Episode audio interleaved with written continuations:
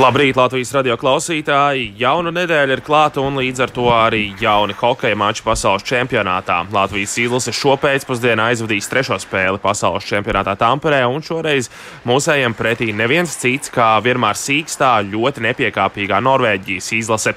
Mūsējiem vakar brīvdiena Norvēģiem tikmēr bija smaga spēle, bet, lai par visu runātu plašāk, mums no Tamperes pievienojas kolēģis Mārtiņš Kļavinieks. Sveiks, Mārtiņ! Labrīt, labrīt visiem uh, Latvijas radio pirmā kanāla klausītājiem no Tamperes pirmdienā.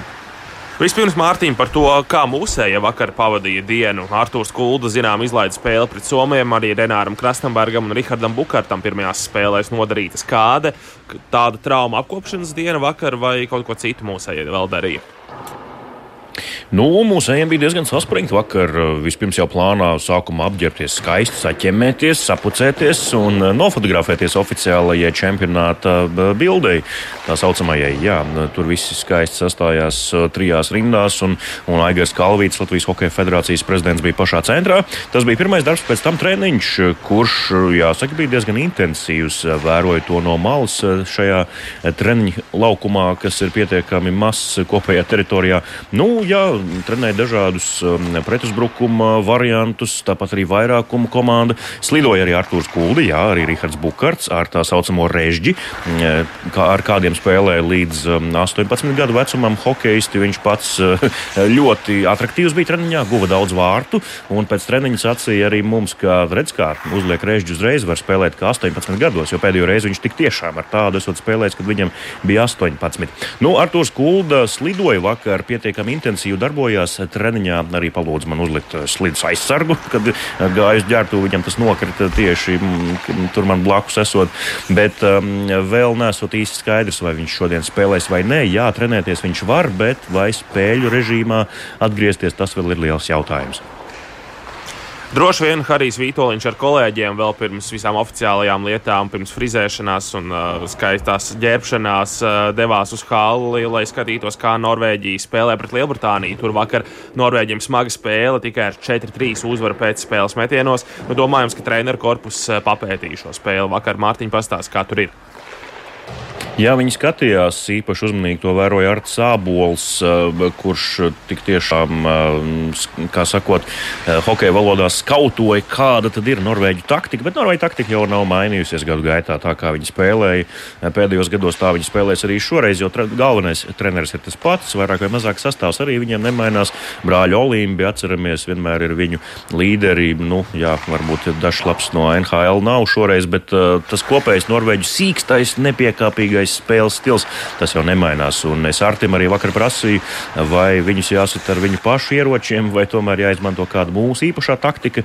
Nu, tad būs kaut kas pa vidu, tā teica Artis. Ko tad Artis teica, ko tad viņš ir izskautojis? Klausāmies!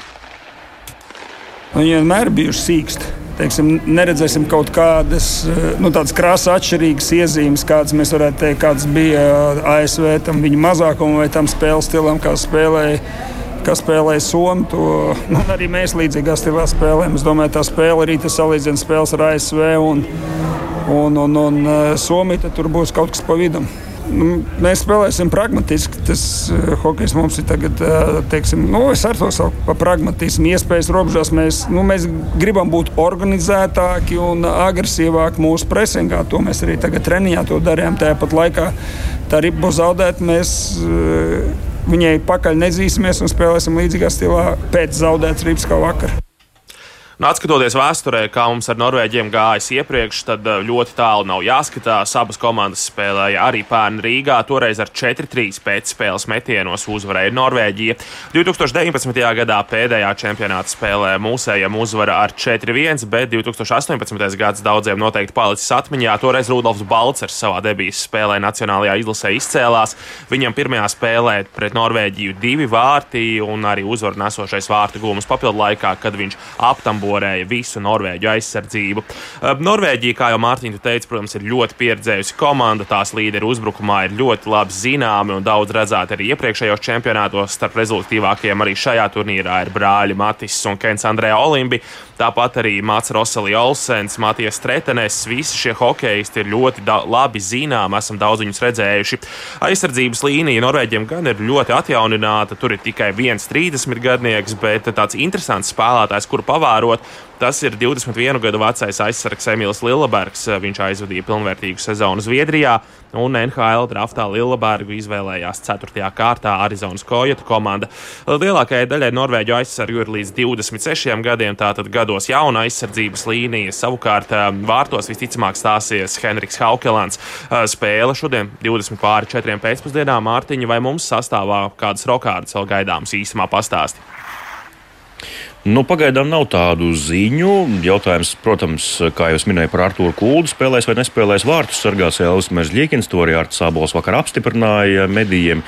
Līdz ar to tādu lielu izmaiņu nebūs.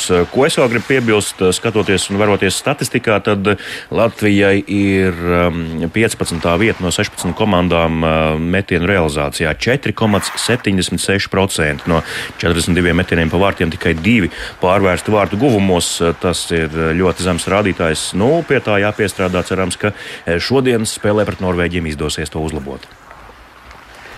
Jā, tā tiešām ir atbaidoša metienu realizācija. Cerams, ka mūsējiem to šodien izdosies sakārtot. Būsim precīzāki. Mārtiņ, paldies, ka pievienojies, un ar to arī skan piespēle no Somijas.